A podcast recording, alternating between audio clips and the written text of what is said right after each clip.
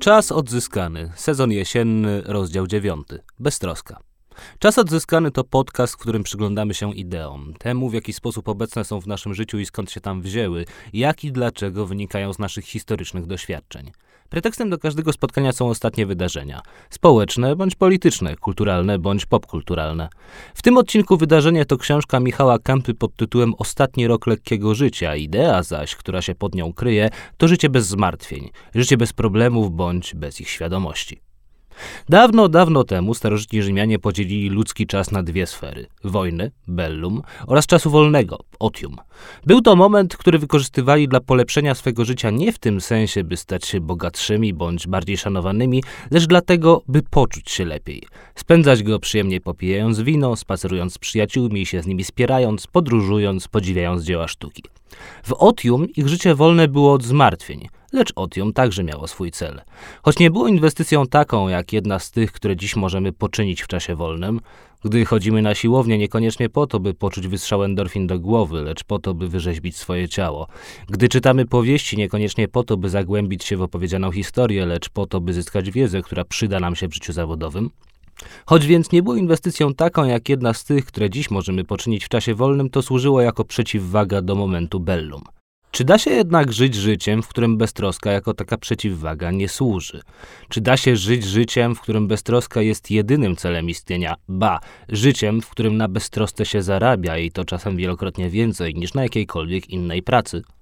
Z jednej strony nie da się.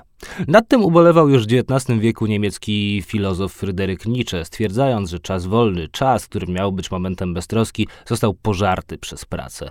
Że jest wiecznie odniesieniem do tej ostatniej tyle i można zapomnieć o tym, że kiedyś faktycznie człowiek go posiadał. Innymi słowy, służy zregenerowaniu się przed pracą i niczemu więcej. Beztroska jest momentem, w którym nabieramy siły na moment zupełnie odmienny, gdy troski wypełnią go w stu procentach. Z drugiej być może wcale nie, być może w pewnym momencie rozwoju świata całe życie stało się dla człowieka zachodu czasem wolnym, a praca pewną nieprzyjemną, bo nieprzyjemną okolicznością, którą trzeba spełnić, by można go przyjemnie spędzać. To znana teza amerykańskiego ekonomisty Thorsteina Veplena. Opisując społeczne elity przełomu XIX i XX wieku, finansistów i spekulantów giełdowych, Veblen stworzył pojęcie tzw. Tak klasy próżniaczej, nastawionej na ostentacyjną konsumpcję. O ile w jego epoce rzeczywiście niewielu było na tę ostatnią stać, stąd Veblen przeciwstawiał klasie próżniaczej klasę pracującą, w drugiej połowie XX wieku i w epoce państwa dobrobytu się to zmieniło. Konsumowanie stało się głównym celem większości mieszkańców krajów rozwiniętych. Do pojęcia klasy próżniaczej doszło wtedy jeszcze jedno klasy kreatywnej, żyjącej z wytworów własnego myślenia i własnej wyobraźni. Na pierwszy rzut oka trudno było określić, czym się jej przedstawiciele zajmują, skoro nie stają każdego dnia przy linii produkcyjnej w fabryce. Lecz czymś się przecież zajmowali. Coś przecież produkowali, a przynajmniej robili coś, z czego wynikały pieniądze, choćby i to coś było mniej lub bardziej nieuchwytne, a ich wysokie wynagrodzenie na pierwszy rzut oka zdawało się niesprawiedliwe w kontekście tych, którzy przy linii w fabryce wciąż stoją. Jest taki słynny obraz Nicola Poussena wiszący w Louvre, na którym mieszkańcy krainy wiecznej szczęśliwości znajdują napis Et in Arcadia ego. Napis, jak stwierdził historyk sztuki Erwin Panowski, znaczący i nawet w Arkadii jestem, zostawiony dla ich wiadomości przez nikogo innego, lecz przez śmierć. Z tej opowieści, jednego z najtrwalszych mitów w kulturze Zachodu, wynika jedno – nie sposób pomyśleć krainy wiecznej szczęśliwości, w której nie będzie nieszczęścia, choćby jako jego groźby, choćby jako zapowiedzi, że się ono zdarzy. Czym zaś to nieszczęście jest w Polsce dzisiaj i dla kogo? Więc czym i dla kogo jest w Polsce dzisiaj poczucie zupełnej beztroski? Do rozmowy na ten temat zaprosiłem autora wzmiankowanej książki Michała Kępę. Jego ostatni rok lekkiego życia jest interesującą propozycją właśnie ze względu na moment, w którym się ukazuje. Moment, gdy to życie lekkie staje się nie do wyobrażenia, gdy, jak pisał Winston Hugh Oden w wierszu 1 września 1939 roku, gasną smutne nadzieje podłej, kłamliwej dekady, gniew i troska jak fale wdzierają się w zmieszczy świt, okrywający tę ziemię i w każdy prywatny los. Koniec cytatu. Chcę się dowiedzieć, jak Kępa rozumie beztroskę i co mu ją burzy. Mam nadzieję, że Państwo dowiedzą się ze mną. Zapraszam. E, Michał Kępa, komik interdyscyplinarny. Dzień dobry. Dzień dobry, witam Autor państwa. książki pod tytułem Ostatni rok lekkiego życia. E, czy ty wiesz, kiedy ja czytałem swoją książkę? Że to jest kiepskie pytanie, Nie- bo nie nie wiem. wiadomo skąd miałbyś to Nie wiedzieć, wiem, ale to e, ci powiem. Co więcej, mogłeś też jej nie czytać, też i takie wywiady. Ale przeczytałem. Okej. Słuchaj, e, dzisiaj jest czwartek, ja to Mhm. sobie czytałem we wtorek wieczorem, czyli Aha. jak była informacja, że spadły ruskie rakiety na wieś przewodów. Mhm. I e, jakkolwiek ta okoliczność jest oczywiście straszna i wszystko, co się z nią wiąże, jest, e, z, wszystko, co się z nią wiąże, jest straszne, to jeszcze mocniej to właśnie zintensyfikowało mnie wrażenie, że to, o czym ty piszesz, taka lekkość, taka beztroska, że to jest coś, co no, w tym momencie wydaje się nie do wyobrażenia. Wydaje się takie mm, taką widokówką z poprzedniego świata. Ym, No, wydaje mi się nawet nie w kontekście tych rakiet ruskich, tylko już wojny, bo ja skończyłem tę książkę pisać mniej więcej dwa miesiące przed wybuchem wojny i miałem bardzo duży problem, żeby ją potem no, zredagować, w zasadzie wydać nawet, to znaczy e, po- pojawiały się mi w głowie takie myśli, żeby to w ogóle od nowa pisać. Okej? Do tego stopnia też czułem, że to jest pocztów, znaczy, że to w ogóle już mnie nie dotyczy. To znaczy, że takie pisanie o niczym, mm, o przyjemnościach zwykłych, o beztrosce rzeczywiście, lekkim życiu jest y, nie na miejscu po prostu. To, taki, taki miałem w głowie, to miałem w głowie mniej więcej w lutym, marcu, kwietniu. Potem, no nie łudźmy się, trochę się wszystko zmieniło w naszych głowach, zaczęliśmy się przyzwyczajać do tej sytuacji. Nie, no jasne, to życie, człowiek, człowiek życie jest do wszystkiego się w stanie tak. przyzwyczaić. No tak, tak. Życie, życie trochę wróciło do jakiejś jakoś tam rozumianej normy, więc e, no ta książka powstała, zredagowała się, trochę się tam rzeczy zmieniło. Mm, Natomiast rakieta była przypomnieniem. Te, rakiety, bo już nie wiadomo chyba czy jedna, czy dwie. Na początku była informacja, że. Słuchaj, Chyba tak- jednak jedna, ale to nieważne. Takie pytanie wprost. Mhm. E, po co ci jest ta książka? Bo No. kiedy ja w ogóle usłyszałem, że coś takiego wejdzie, to Mhm. e, jak sarknąłem pod nosem, pomyślałem, kuźwa, kolejna Mhm. książka jakiegoś cholernego celebryty, a dajcie pisarzom wydawać książki, a nie, nie, nie takie rzeczy. No, mi- mierzę się z odpowiedzią na to pytanie przez całą książkę. To prawda, jest tam taki ładny fragment. Ten zarzut, który, No. znaczy zarzut, to pytanie, no jakby ja, ja byłem absolutnie świadomy Mhm. na każdej stronie tej książki, że ktoś to pytanie zada. A kiedy już dostawałeś Mm. propozycję od WAB-u, to też? No nawet powiedziałbym, że było to przedmiotem pierwszej rozmowy, bo, bo właśnie propozycja z wydawnictwa to była mm, no taka bardzo mocno, powiedziałbym, e, nacechowana chęcią, znaczy tam są świetni ludzie, natomiast pi- pierw, pierwotna taka no wersja ja to znam była taka... redaktora, bo jesteś moim redaktorem. No, ale, ale to najpierw rozmawiałem z Marcinem Mellerem jeszcze, Mhm. to, to jakby kilka osób powiedzmy mi to proponowało, znaczy już ucinając y, dywagację, chodzi tylko o to, że mm, to miał być taki zbiór anegdot kogoś, kogo czytelnik może znać z Aha. telewizji. Krótko mówiąc, najprostsza taki system sprzedażowy Mhm. chyba, który może być. Tak no zwana ja- sprzedaż ryjem. to Tak. brzydko brzmi, ale tak się nie na no, to mówi. Ja nie chciałem tego i, i obiecano mi, to była taka mm, dżentelmeńska umowa z redaktorem Maxelonem, że jak on stwierdzi, że ta książka jest do dupy, to my jej nie wydamy i on mi to obiecuje. No oczywiście musiałem się przekonać do tego, że on mówi prawdę, ale wydaje mi się ostatecznie, że chyba, no parę razy go sprawdzałem, krótko mówiąc i I wydaje mi się, że był w, tym, w tej opinii szczery. Wiem, że nie zawsze on decyduje, ale, ale jakoś tak czułem, że bardzo chciałem, żeby to nie była tego rodzaju książka kolejnego kogoś z telewizji. Oczywiście pewnie każdy kolejny ktoś z telewizji też tak mówi. Natomiast no, takim, taką granicą tego było chociażby to, że zabroniono mi, bo ja jeszcze nie wiedziałem, że to tak działa, mieć ryja na okładce. Ja wiem, że imię i nazwisko jest bardzo duże na tej okładce, natomiast y, mi się w pewnym momencie wydawało, że jakieś tam jedno albo dwa zdjęcia będą pasować i to mimo wszystko podobało, podobała mi się wersja z moimi zdjęciami. Zabrzmi Wiesz, że chciałeś wejść do księgarni i zobaczyć swoją twarz. Ale no. to było taki, nawet powiedziałbym, niekoniecznie twarz, to chodziło o zdjęcie, gdzie jestem ja w tle i tam prawie mnie nie widać, ale że to jednak jestem ja. Natomiast redaktor Maxelon uciął te, te, te moje zapędy, twierdząc, że to jednoznacznie klasyfikuje literaturę jako tak zwaną literaturę celebrycką, a my się umawialiśmy, że to nie będzie to, więc, więc mm, nie będzie żadnego zdjęcia i dobrze, bo jestem w sumie zadowolony z tej dziwnej, ale jednak niezdjęciowej okładki. A wracając do twojego pytania, bo sprytnie tutaj uciekam w jakieś opowieści o okładkach, no po to, żeby móc jakby powiedzieć to, czego nie mogę powiedzieć w innych formach. E, Okej. znaczy Nie mogę... Czyli? E, czy nie mogę opowiedzieć tego na scenie w formie stand-upu, bo tam jest presja na śmiech i na żart, co mocno jakby zniekształca przekaz. Mm, nie mogę tego opowiedzieć w mediach społecznościowych, no bo tam Bo są za długie. ograniczenia. Proszę? Bo za długie. Bo za długie. No nie no, media społecznościowe to są media społecznościowe. Też je, ja uwielbiam je wbrew pozorom, natomiast mają swoje ograniczenia, też inne oczekiwania, inny, inną grupę odbiorców trochę. Mm, No po prostu przyszedł taki moment, że uznałem, że to jest ta forma, którą chcę się komunikować ze światem i zwracać na siebie uwagę, bo to wszystko przecież jest jakąś próbą zwrócenia na siebie uwagi. E, czy to było ciężkie? Bo jak e, patrzę na tę książkę i patrzę właśnie na ten zapis beztroskiego życia, to mam wrażenie, że to jest życie, które się fajnie żyje, to się przyjemnie przeżywa, nawet nie mając świadomości, że się żyje jakąś większą całość, tylko living in the, in the moment, ale kiedy właśnie zdajesz świadectwo z tych kolejnych dni, tygodni, miesięcy, no to nagle zdajesz sobie sprawę, Jezu, tylko, tylko to? Mhm.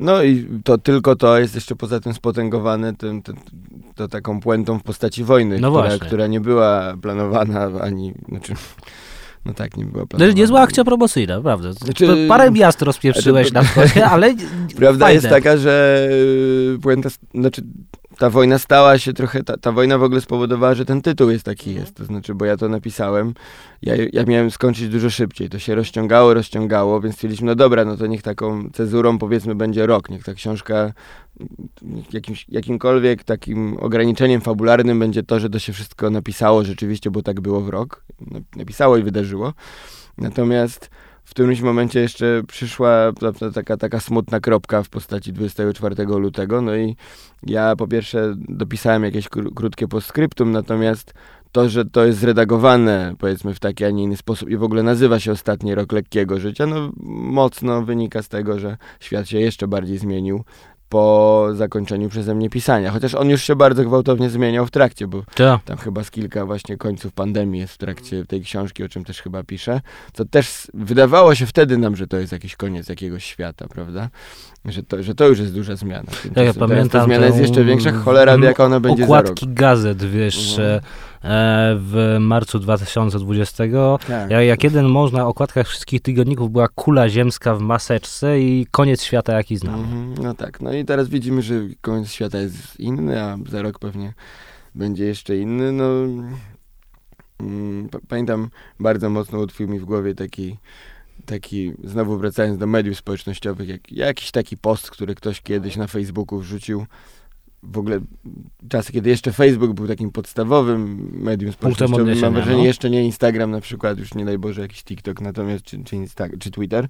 Natomiast to był taki, taki post, w którym w kilkunastu punktach to, to wydaje mi się, że był ktoś, jakaś kobieta, która chyba pracowała w jakiejś redakcji, chyba, chyba dziennikarka jakaś mniej znana, nie wiem. No to nie był, powiedzmy, używając okropnego określenia random. Natomiast to był ktoś, kto czasami się dzieli ze światem swoimi opiniami.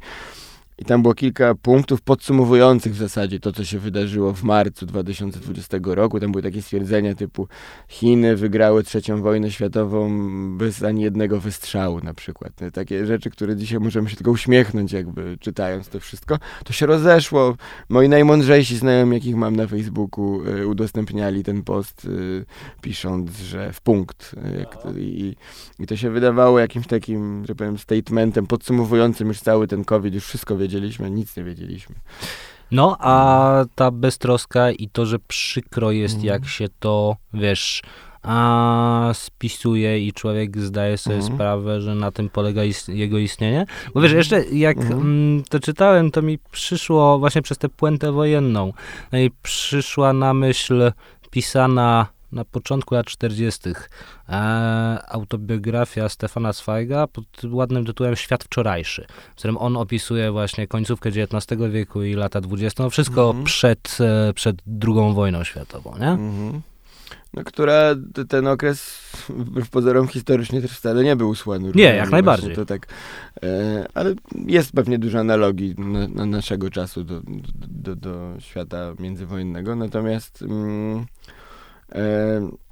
czy ja nie do końca miałem świadomość, że ta moja beztroska się przeniesie na. Bo, bo zaczynając tę książkę, nie miałem jakby takiej bardzo górnolotnie to zabrzmi historycznej świadomości tego, że żyję w momencie, w którym świat się tak Mhm. jednak mocno zmienia i pewna beztroska ogólnoświatowa też się kończy. To była raczej moja prywatna beztroska. Natomiast to się po prostu z czasem połączyło z czymś, z kim, z czymś, z czym czytelnik może się trochę bardziej utożsamiać. No tak mi się wydaje. Ona na początku, ja się czułem samotnie beztroski, to znaczy tak, że ja mam swoją beztroskę wynikającą z wielu swoich wyborów życiowych i ona jest pewnie trochę melancholijna, ale ona jest moja. Natomiast z czasem zaczęła się rzeczywiście łączyć z, beztrosk- z końcem beztroski takiej światowej. No, tak. A kiedy ty pierwszy raz dokonałeś takiego wyboru właśnie pójścia no, w bardziej beztroskie życie? Bo studiowałeś Mhm.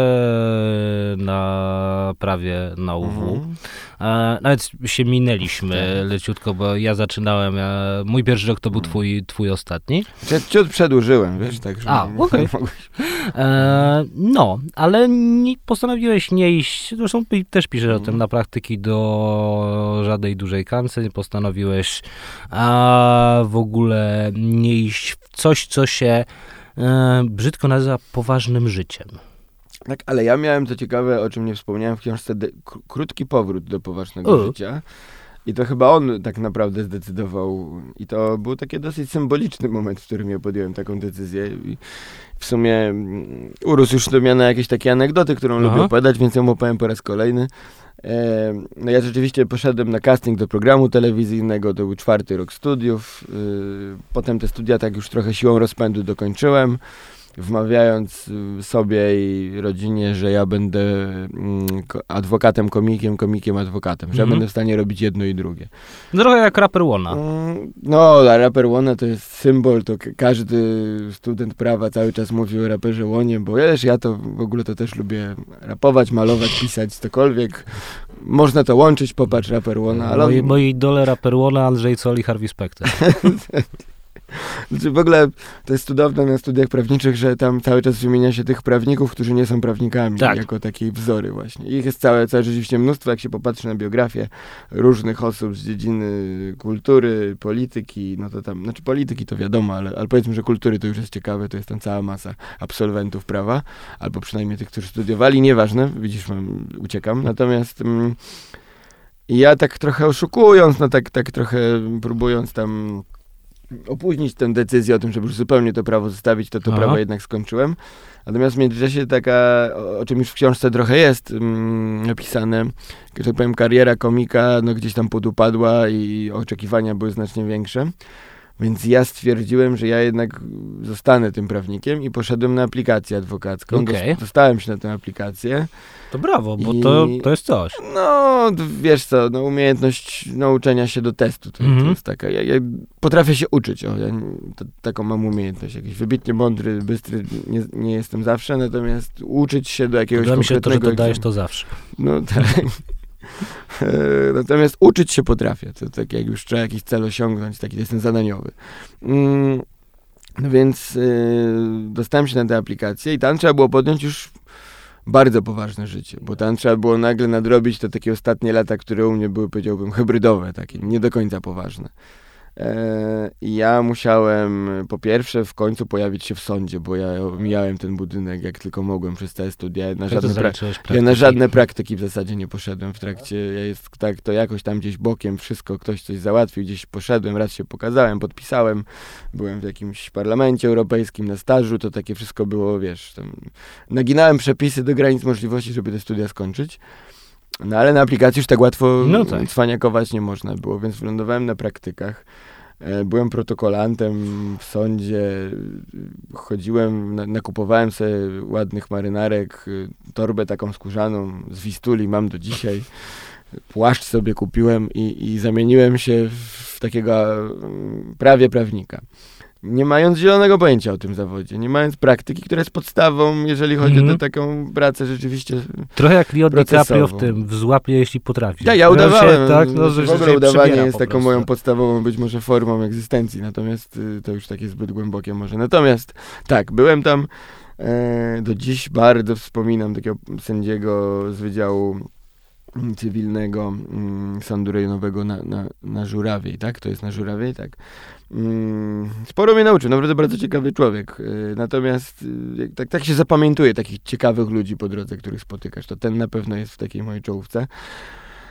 Mm, I trzeba było znaleźć patrona, żeby No tak. skończyć tak. I to był taki moment dla mnie graniczny, bo jak już masz patrona, to on już cię wysyła na rozprawy. Tak.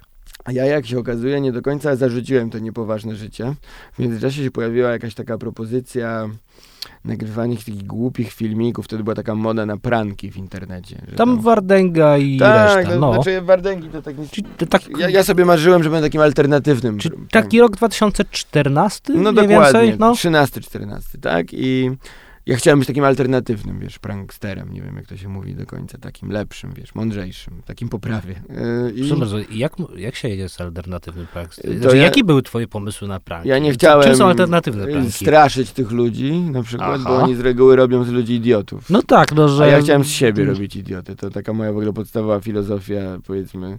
Więc chodziłem po placu Zbawiciela, przebrany za takiego, to też miałem trochę taką jakąś dziwną, powiedzieć, fazę na mm, znaczy śmianie się z różnych guru, jakichś takich, jeszcze coach to nie był chyba aż tak bardzo popularny temat wyśmiewania się.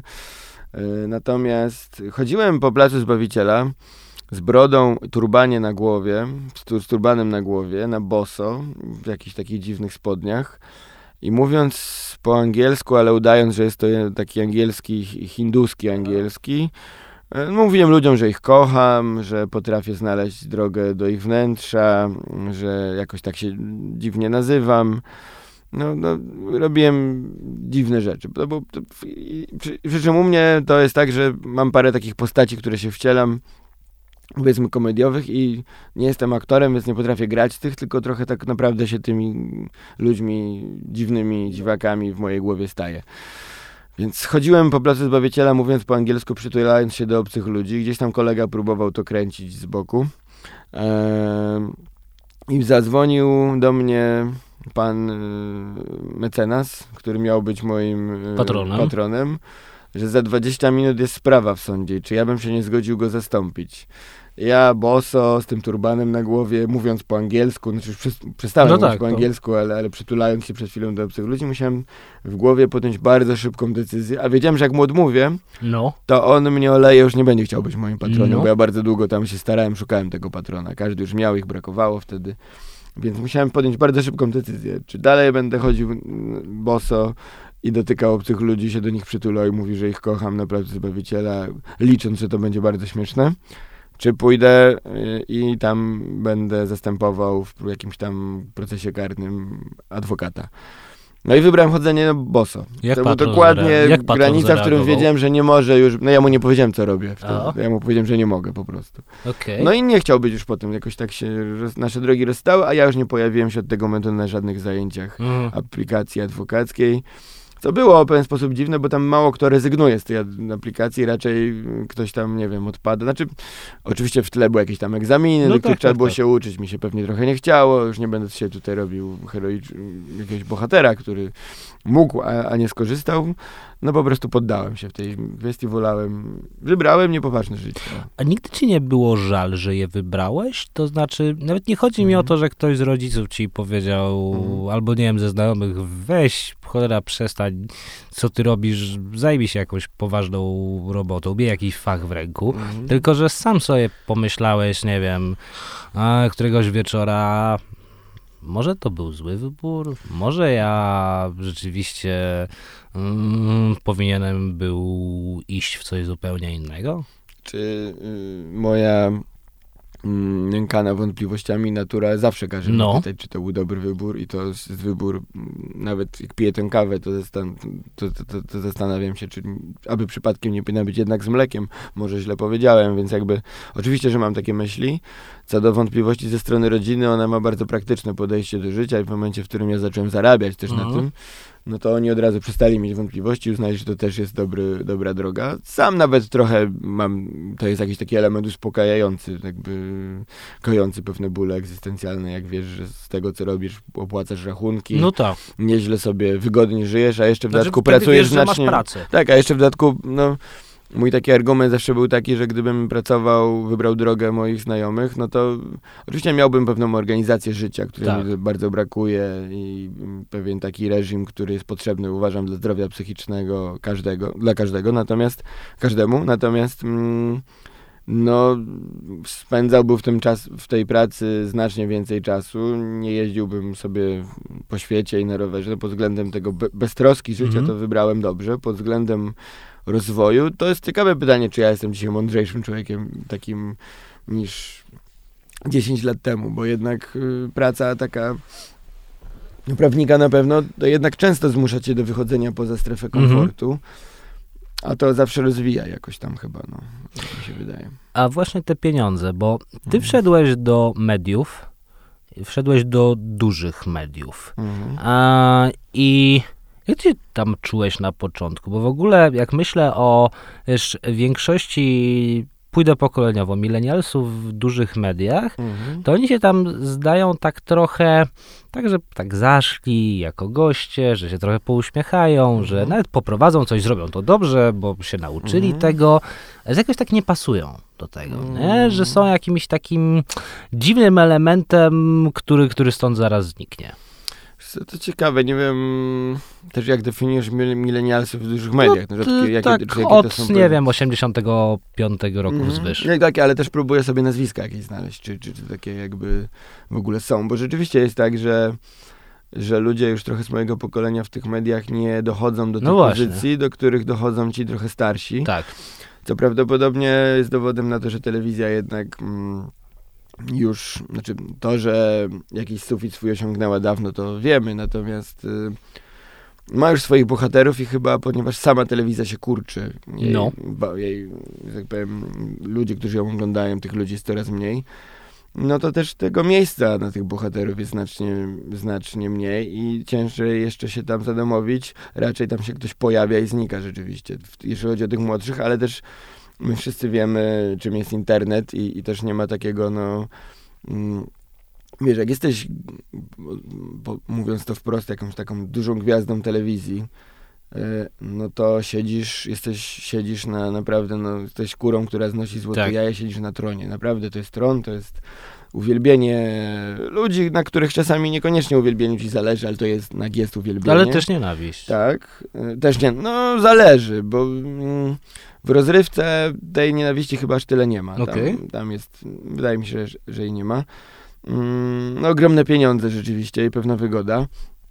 Więc ja się nie dziwię, że oni na przykład y, y, tam są, a nie na przykład zakładają swoje kanały na YouTubie, Aha. żeby mieć większą, nie wiem, niezależność. Natomiast, natomiast ci trochę młodsi wiedzą, że jakby te trony już są pozajmowane, a poza telewizją jest cała masa innych wygodnych mm, siedzisk, na których można sobie posiedzieć i, i żyć.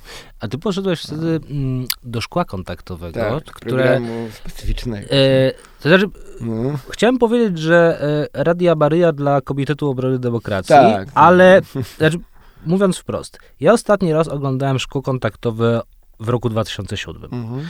Wiem, że moja koleżanka i jedna z gościń tego podcastu w poprzednim sezonie, Katarzyna Kasia, a, prowadzi mm, tam czasem, tam czasem rzeczy. Mhm. Szanuję ją i uważam, że nie poszłaby do, do czegoś beznadziejnego.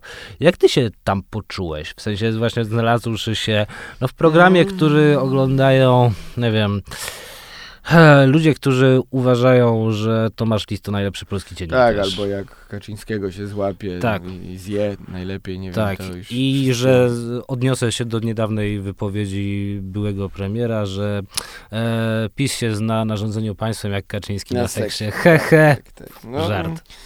Mam zupełnie mm, też same uczucia do twoich, jeżeli chodzi o te rzeczy, które przed chwilą wymieniłeś. Natomiast jestem tam, tak? Mhm. Teraz dlaczego? No, mm, czy moment, w którym trochę z innego powodu jestem tam teraz, a z innego tam poszedłem. No. Tak. I tam poszedłem, to był bardzo specyficzny moment w mojej, że tak powiem, karierze zawodowej. To znaczy, to było wcale nie tak dawno po tym, kiedy, mm, kiedy ja podjąłem decyzję, że jednak będę prowadził to życie beztroskie, które nie jest beztroskie, jeżeli chodzi o utrzymywanie No się, tak. o, o jakiś stały dochód i tak dalej. Więc Taka dla za mnie, krótka kołderka. tak, więc dla mnie taki propozycja, że nagle będę w stałym, cyklicznym programie telewizyjnym z, ze specyficzną, ale bardzo jednak wierną i dość dużą, jak na telewizję widownię, no to była z, był zbyt łakomy kąsek, żeby z niego nie, nie korzystać. Mm, Zostałem przez ten, jak słusznie sam powiedziałeś, Komitet Obr- y, Radiomaryjny Komitet Obrony Demokracji, bardzo dobrze przyjęty, co trochę zadziałało mi na ego i powiedziałem, nie no, to jest moje miejsce, skoro mnie tam lubią, to ja tam będę, prawda, bo to jest podstawowa zasada, gdzie cię lubią, tam, tam idziesz. Znaczy Groucho No. Marx uważał inaczej, ale... No, e, no, niemniej jednak e, było mi tam dobrze i zostałem, a, a potem poszło taką trochę siłą przyzwyczajenia. Znaczy, to jest jedyne miejsce w ogóle zawodowe, jakiekolwiek, w którym ja jestem dłużej niż, nie wiem, 2-3 lata albo dwa powiedzmy. Mm, Co już sprawia, że pojawia się mi pewien sentyment w ogóle. Sentyment to jest dla mnie taka. mm, Jestem bardzo sentymentalny, więc ja już z tego szkła nigdy nie chcę. Ja nie chcę z niego odchodzić. Nie wiem, co by się musiało wydarzyć. wiem, że to są takie- zwolnić Edward Miszcz. Nie, właśnie już, już nie nie ma, nawet Miszczak, Miszczaka no, przeżyłem, widzisz, także to już jest sporo. Mm, poza tym, ja tam jestem jednak chyba trochę w opozycji do tego, co, o czym, o czym powiedziałeś. Czyli nie mam, znaczy, to nie jest tak, że w w szkle kontaktowym możesz sobie, możesz, możesz, ale nie przychodzi na przykład mi to łatwo przyjść i powiedzieć, stare baby, nie będziecie tutaj dzwonić, wiesz, przyjść z jakąś taką, nie wiem, punkową, o- okropną, zbuntowaną, wywrócić wszystko do góry nogami, No. powiedzieć.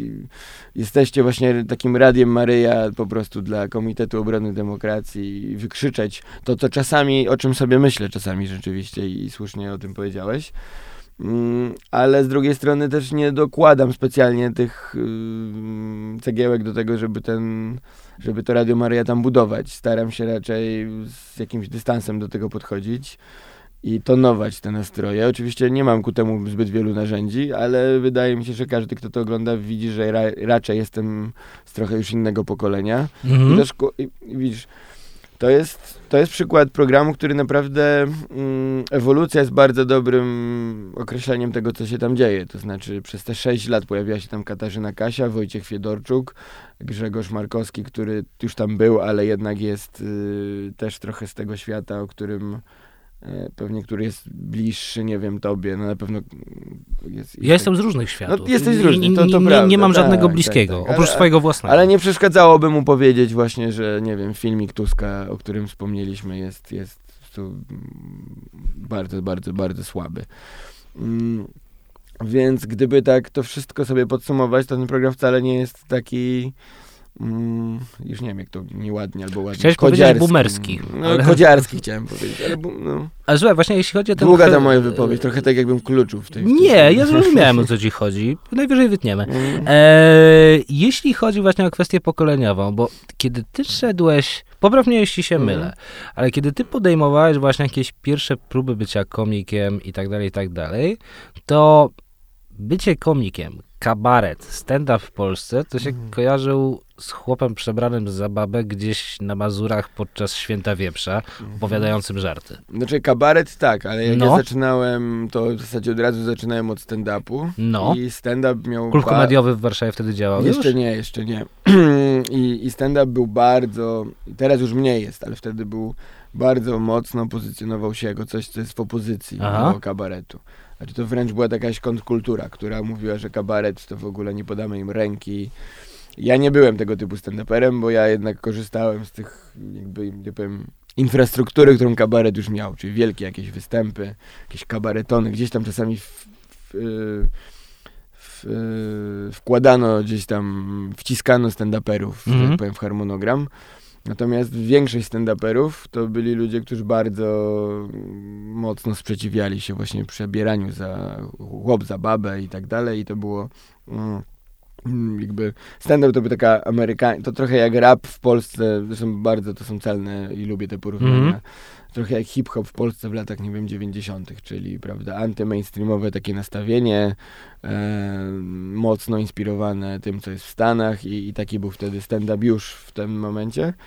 Mm, więc to, ja, ja, trochę byłem takim szczęściarzem, bo mogłem korzystać z jednego i z drugiego. To znaczy z tego, y, z występów, które jeszcze ciągle naganiały kabarety i, i, tam ludzie przychodzili i tam można było albo trochę zarobić, albo no, generalnie powystępować, ale jednocześnie trzymałem się też, to, to, to sprytne bardzo, z, ze stand-uperami, występując jako Aha. Michał Kępa, nie wiem, stand-up, co, co dawało mi taką, że nie dostałem łatki kabareciarza, bo ta łatka mm, no, ciążyła bardzo wielu ludziom. Powiedziałeś o mhm. y, kwestiach amerykańskich. E, jak się lekko żyje w Polsce, a jakby się tobie lekko żyło, gdybyś był Amerykaninem, bo nieprzypadkowo mm. duża część tej książki to jest list do aktorki, którą ja również uwielbiam mm. z roli Comfrey e, w Sukcesji, czyli Daszy Niekrasowej. A, no i mm, piszesz o niej, że żyje sobie gdzieś na jakimś tam, pewnie na Williamsburgu, pewnie właśnie sobie kręci jakieś e, ofowe filmy, wygrywa festiwale w Berlinie, jest taką nowojorską hipsterką, jeszcze gości Sławoja Ziśka e, w podcaście i tak dalej, i tak dalej. Jak jej lekkie życie, nawet wyobrażone przez ciebie, mm. bo mhm. oczywiście nie wiemy, jak wygląda mm. jej, jej prawdziwe lekkie życie i czy w ogóle jest lekkie, różni się od twojego lekkiego Myślę, życia że jej, jej, życie tak samo jest lekkie, jak i moje, czy nie do końca jest lekkie. No. Jest pewnie spora świadomość tego, że ta lekkość jest jakąś wadą i, i zresztą jak się e, obserwuje konto Daszy, to tam jest bardzo wiele uwagi poświęconej mm, różnym lekom, pewnie terapiom, więc myślę, że jej życie nie jest lekkie, jest chyba cięższe od mojego, natomiast mm, to nie do końca wydaje mi się jest kwestia amerykańskości jakiejś no. tutaj, tylko innego ja trafiłem trochę do świata, do którego jestem za krótki. Nie wiem, jak to ładnie określić, ale wydaje mi się, że... Znaczy, porównując to, to z Marcinem Prokopem, to rzeczywiście tak, rozumiem, o co chodzi. Tak, ale to bardziej chodzi o pewien kapitał kulturowy, który gdzieś tam człowiek nabywa albo wynosi z domu i ja go specjalnie aż tak wielkiego nie mam, a czasami stykam się z tym światem. A czy chodzi ci o takie drugie śniadanie mistrzów świętej no, pamięci? No, to jest trochę, po, znaczy...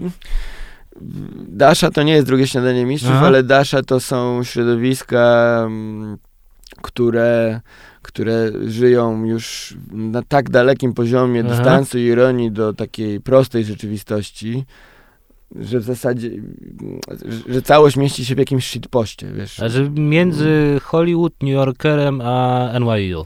Coś nie tak, ale bardziej bym to gdzieś jakoś spolszczył, bo wydaje mi się, że ja, ja znam sporo polskich dasz, o tak, tak to powiem. Jakiś, y, Kim są polskie dasze? Myślę, że jest kilka i trochę nie chcę wchodzić, bo jak wymienię nazwiska, to zacznę Ja nie musisz nazwiska, bo mnie, mnie, mnie ciekawi, Myślę, że polska dasza, no? myślę, że spokojnie w Polsce znalazłaby się jakaś taka... Mm, feministyczna, bardzo progresywna, nie wiem, dziennikarka, podcasterka, która, no widzisz, już, już, szybko wchodzimy w jakieś nazwiska, które mogą się tutaj pojawić. Nie powiedziałeś ani jednego, Nie ja powiedziałem. no. tak, która, mm, która świat komentuje w zasadzie tylko i wyłącznie ironią i dystansem i jakimś dziwnym postem na Instagramie, którego ja nie rozumiem i, i którego bardzo często chyba też odbiorcy nie rozumieją, może nawet i ona nie rozumie, bo, bo, bo bo, bo ciężko jest czasami odbierać świat w prosty sposób, bo tyle już wie, tyle już doświadczyła. Ja myślę, że Dasza jest takim przykładem kogoś, kto wszystkie rzeczy robi. Ja sobie tak to wyobrażam. Aha. To jest taki świat, przed którym ja, ja się wstydzę przed nim, to znaczy w takim sensie czuję się gorszy, bo myślę, że Dasza szybciej ode mnie zaczęła spotykać się z chłopakami niż ja z dziewczynami. Myślę, że Dasza szybciej um, wypiła alkohol albo wzięła narkotyki. Myślę, że Dasza szybciej zaczęła czytać literaturę, którą ja zacząłem czytać dużo później. Więc Dasza jest taką... Mm -hmm. Dasza jest człowiekiem, który już... Ja sobie to tak to dalej Aha. wyobrażam. Wszystko przeżył, więc nie czuję już jakby w zasadzie E, bliskości z normalnym światem. Bo, Że nie jesteś w tym no. takim poczuciu odmienności odosobniony. Ja do no. dzisiaj pamiętam, jak pierwszy raz poszedłem do e, Museum of Modern Art w Nowym mm. Jorku i, był, i wiesz, ci wszyscy ludzie właśnie tak pięknie ubrani, tak. ale widać, że to jest jakiegoś lumpeksu, gdzie jedna rzecz kosztuje więcej niż przeciętna polska pensja. I te piękne obrazy, że jakaś mm. ankieterka do mnie podeszła, mm. żeby mi zadać parę pytań. Ja zapomniałem, jak się mówi po angielsku. Znaczy, serio zapomniałem języka w gębie, nie potrafiłem powiedzieć równo nic. Ale wiesz co, ale to ja bym nie oskarżał na przykład, bo nie wiem, czy też o to ci chodzi, takiej dalszej o pretensjonalność. To No znaczy, nie. że ona jest intelektualistką, wiesz, na, na pokaz.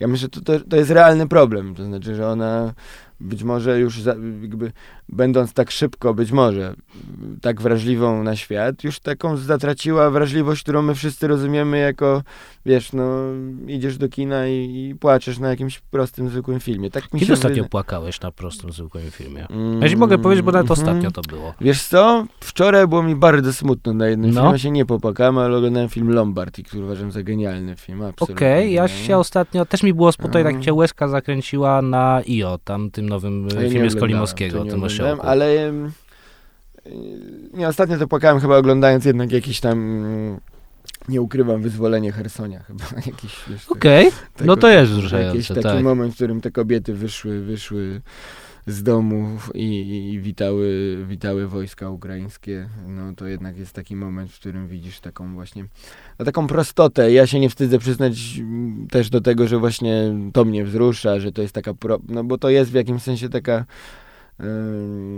prosta wrażliwość. Jerzy Urban kiedyś to tak, nie wiem czy to jest dobry autorytet, do którego powinniśmy się w kwestii wrażliwości odnosić, ale on kiedyś w jakimś takim dużym... Wrażliwy jak Jerzy Urban to nie brzmi Nie, ale dobrze. on coś takiego powiedział, czy pan płacze? Ktoś mu zadał pytanie właśnie. On powiedział, że w, na takich prostych filmach w kinie on się wtedy wzrusza i to jest jakaś prosta uczuciowość, jakoś tak to określił dziwacznie. Mm, no ale to są takie rzeczy, że mam wrażenie, że Dasza nie wrzuci filmiku, wiesz, z takim jakimś tam, o wow, mam wilgotne oczy, bo Mhm. coś tam, bo to jest chyba popularne może, nie wiem. Dziewczyny. E, skoro już jesteśmy przy Daszy Diakrozach, bo to też jest fajny element tej książki i Mhm. wyłania się z niej obraz chłopaka, który ma 34 lata, siedzi wciąż na Tinderze i pytanie, czy go to uwiera, czy nie, bo z jednej strony, wiesz, żyjesz takim życiem, jak to ładnie Filip Roth nazwał, kiedyś życie nieuporządkowane, czy życie kolibra, nie? I to jest fajne, czy nie?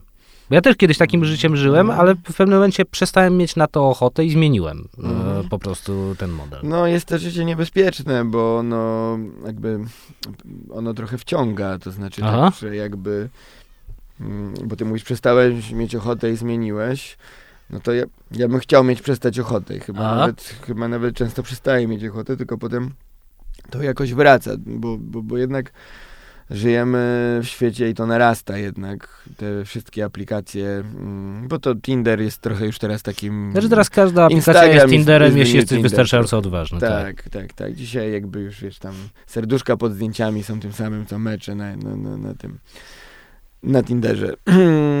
I no to wszystko szalenie komplikuje układanie sobie moim zdaniem życia takiego związkowego, bo żyjesz w takiej nieograniczonej, ktoś to znowu jakoś ładnie określił, ja znowu zapomniałem kto i jak, że jest taka iluzja nieograniczonej, mm, nieograniczonych Mhm. możliwości, tak? No bo próbujesz ym, wpakować się, wpakować to też brzydkie słowo, w jakiś związek, Mhm. ale ciągle masz z tyłu głowy, a może nie ty masz z tyłu głowy, ale twój telefon ci na przykład o tym przypomina, że jest jeszcze tyle innych pięknych dziewczyn na przykład, Ale pięknych, to wiesz, wspaniałych, że, mądrych. może, ale to, wiesz, że można skasować... ci- No można, oczywiście, no ale nie Tindera, no ja mówię już o w zasadzie wszystkich innych Aha. mediach społecznościowych i, i w ogóle internecie, no i, i żyjesz taką ułudą, bo to jednak jest ułuda jakichś takich takiego niespełnienia, to znaczy, że ten wybór mm, jest nieidealny, że można inaczej, że tu jest jakiś, mm, tu jest jakaś wada, jakiś minus, to może dalej będę szukał, szukał, szukał, to jest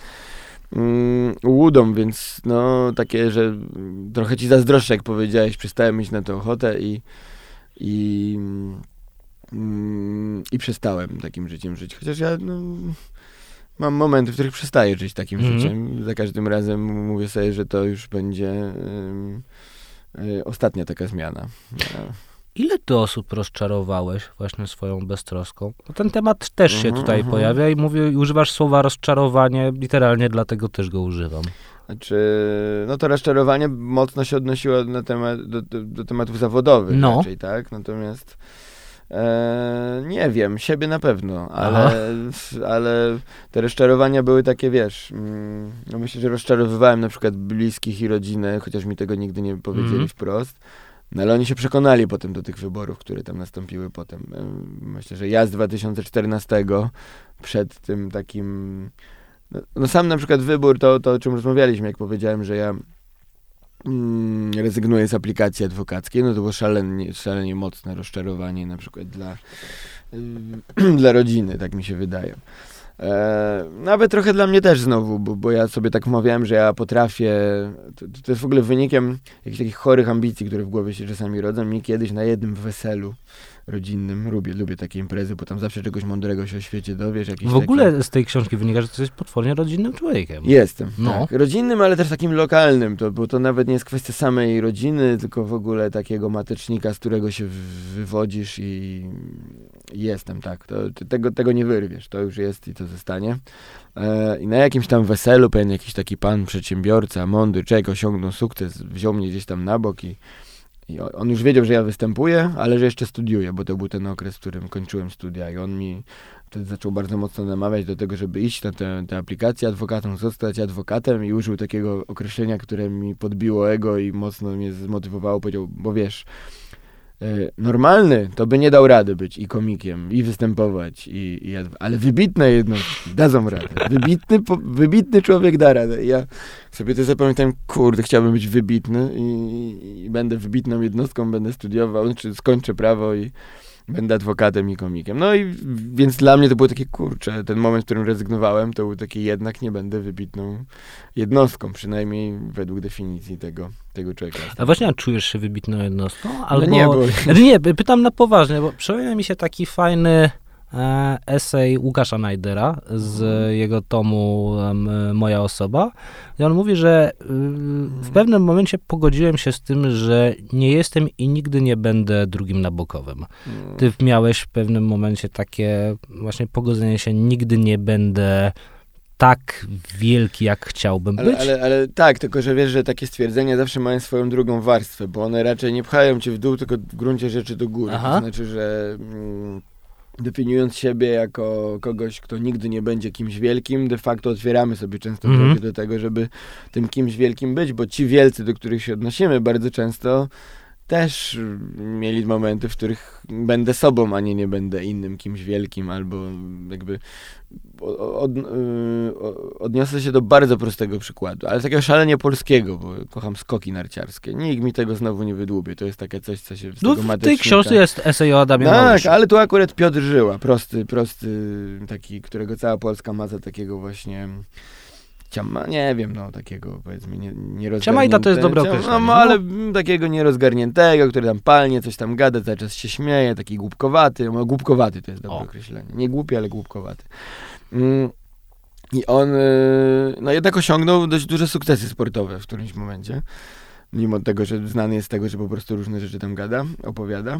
I on powiedział, że zaczął je osiągać dopiero w momencie, w którym uznał, że on nie będzie wielkim skoczkiem narciarskim, że on już nie musi jakoś tam, że raczej nic wiele nie osiągnie i trudno i musi się po prostu cieszyć tym, co robi. To brzmi jak jakieś takie, wiesz, yy, ko coachowskie znowu mm porady, ale jest w tym coś takiego, więc... Yy, to bardzo ciąży. Sam to, to przeżyłem nie... niedawno no. temu, więc wiem o czym mówisz. Tak, więc y, no, uwolnienie się od ambicji być jakimś wielkim zawsze chyba pomaga. Więc, yy, no to, więc nie będę mówił, że czuję się kimś wybitnym i nie będę chciał nim być. Zresztą mam znowu taki moment, w którym podejmuję kilka decyzji, które raczej cofają mnie gdzieś tam tak przynajmniej Aha. teoretycznie, z czegoś tam będę teraz rezygnował. więc i, i, to jest taki element pogodzenia się z tym, że nie będę kimś tam, prawda? Gwiazdą show biznesu na przykład. Szymonem Hołownią nie będę. No nie będę, ale będę Michałem Kępą i, i zobaczymy, co z tego wyjdzie.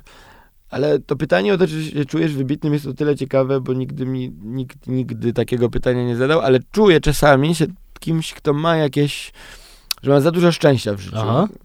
To może powodować, że jest coś takiego, czasem los czyjś jest czymś naznaczony dziwnie. Ja mam takie momenty, że, coś, że, że, jest we mnie coś więcej niż sam widzę. O, tak bym to, tak, tak bym to określił. Nieskromnie, ale też trochę skromnie, bo sam tego nie widzę, więc... Jak ty sobie wyobrażasz swoją starość? Bo ważnym elementem tej książki są urodziny i Mhm. to, że no kolejny, no właśnie przecież kolejny rok, to, no, Mhm. k- kolejny rok lekkiego życia. A czy ty wyobrażasz sobie, że w pewnym momencie wiesz, że no, z tą lekkością kończysz z racji wieku po prostu, Mhm. nie?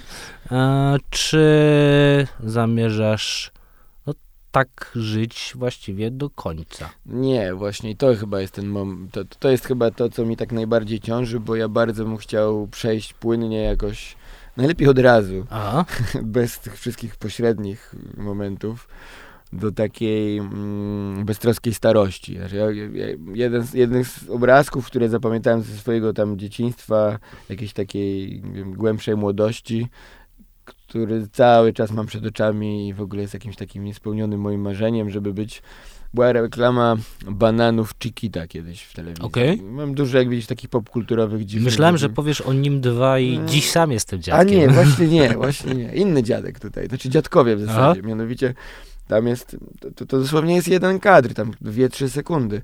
Ale tam jest taka mm, muzyka, taka właśnie, nie wiem, czy to jest kubańska, czy, czy jakaś taka, powiedziałbym, karaibska. Mm, I, I na koniec tej reklamy po prostu jest moment, w którym kilku takich starszych panów sobie siedzi na ławeczce gdzieś tam, ponieważ te banany Chiquita to są chyba z Kuby, więc y, podejrzewam, że, a może Dominikana to była, może, no, no gdzieś tam. No palmy, no. Tak. Palmy, ale oni sobie siedzą pod jakimś domkiem na ławeczce i tak sobie beztrosko siedzą i tam krzyczą ole do siebie jakoś tak. To, tych kadrów takich, no, znajdziesz to w filmach, sam to pewnie widziałeś na żywo, ja też potem. Znaczy wiesz, taki e, często Mm. widywałem i widuję cały czas, oni są e, taki gatunek, który ja nazywam niemiecki emeryt. To Mhm. znaczy, e, wiesz, e, bardzo elegancko ubrani, ale tak na luzie, jakieś kolorowe sweterki Mhm. czy polówki. Widać, że na jakichś wycieczkach To i że nie, po prostu nie- zwiedzają ale sobie to niemiecki świat. emeryt to jest inny świat. To nie, to ja, ja się znam dobrze na niemieckich emerytach, bo przez te swoje jeżdżenie po tych wyspach kanaryjskich na rowerze, to się ich tam naglądałem aż za bardzo. Polówki, często No. różowe, mm, Tommy Hilfiger, takie mają bardzo często podobne marki. Opaleni są szalenie, Tak. chodzą na golasa po plaży. Ja, ja się znam dobrze na niemieckich emerytach, aż za dobrze, ale to są inni emeryci. To są ci tacy południowi emeryci, którzy siedzą sobie pod domem i są zadowoleni z życia i mają takie spełnienie wypisane na twarzy, mam wrażenie. Ja bym bardzo mocno chciał być, chciał być tego rodzaju takim, takim, takim dziadkiem, który, zresztą dziadek to jest mój pseudonim wśród moich znajomych i oni wszyscy świetnie wiedzą, że ja już w zasadzie mam usposobienie trochę takiego dziadka i uwielbiam się w takiego dziadka zamieniać. No ale brakuje mi, nie wiem, no, wnuków na przykład, prawda? Bo dziadek i wnuk dziadek to jest specyficzna, fajna relacja, bo dziadek jest takim ojcem bez zobowiązań. A wiesz, że musisz mieć wpierw dzieci. No właśnie o to mi chodzi, że marzy mi się że chcesz ten etap ta jakoś sytuacja przeskoczyć. jakoś, jakoś tak bokiem przejść, jakimś objazdem, prawda? I od razu stajesz się dziadkiem i masz wnuki, nie masz dzieci, bo dzieci to jest jeden obowiązek, dzieci to jest, to jest, to, to jest no, to jest inna relacja. Ciężka z reguły, prawda? Bardzo wiele osób ma dużo lepsze relacje z dziadkami niż z rodzicami. Mm. Że to jest trochę tak, że cudzy rodzice zawsze nam się wydają fajniejsi od naszych, natomiast cudzy Ale dzia- dziadek to nie jest cudzy natomiast, rodzic, to natomiast cudzy, no- cudzy dziadkowie zawsze się wydają mniej fajni od naszych Tak, dziadków. a też nie? mało się zna cudzych dziadków z drugiej strony. To, to jakby najczęściej znasz swoich dziadków, te, aż tak bardzo, bo już dziadkowie nie mają takiego życia towarzyskiego, które Mhm. powoduje, że znasz wielu cudzych dziadków, tak mi się wydaje, cudzych tam rodziców, tak. Natomiast no, bycie takim dziadkiem wyrocznią, który siedzi sobie na kanapie, na jakimś bujanym najlepiej fotelu i do niego... Ja miałem takiego dziadka, do którego się przychodziło na takie audiencje trochę. Aha. Dziadek ma taki... No niestety w Polsce dotyczy mężczyzn, tu się jeszcze nie, nie wyrównało. Babcie mają trochę status jakiejś takiej, nie wiem, szeptuchy takiej babci, która tam ci coś dopowie tym, tym wnuczkom o miłości. Wiesz, ja to kiedyś też byłam zakochana. Dziadek z kolei ma taką... On ci opowie. Mój, mój dziadek przed śmiercią zdążył mi jeszcze powiedzieć, że e, że w tym Smoleńsku to nie wiadomo, czy to Ruscy jednak w czymś nie, nie, nie namieszali, a umarł miesiąc po Smoleńsku, więc on szybko doszedł do takich wniosków. E, A mówi mi to zawsze w miejscu swojej audiencji, czyli na ławeczce mm, na ulicy Jaskrowej w Bielsku Białej. Taki dom stary y, moich dziadków, dom, y, moja ojcowizna, o, tak mogę powiedzieć. Słuchaj, no to życzę ci znalezienia się na tej ławce. Dziękuję. Na ulicy Jaskrowej w Bielsku Białej. Michał Kępa. Teraz trochę wymogłeś, y, wiesz, Ale może być, też jakaś, może być też jakaś dowolna inna. Dobrze, wiesz, dobrze. Planty, ogród saski. Nie, po prostu nie chcę, żeby mój aktualnie chyba wujek Battersea się... Park jakiekolwiek do. Wiesz, dobra, dobra, dziękuję. Michał Kępa, komik interdyscyplinarny, był moim gościem. Dzięki. Bardzo serdecznie dziękuję.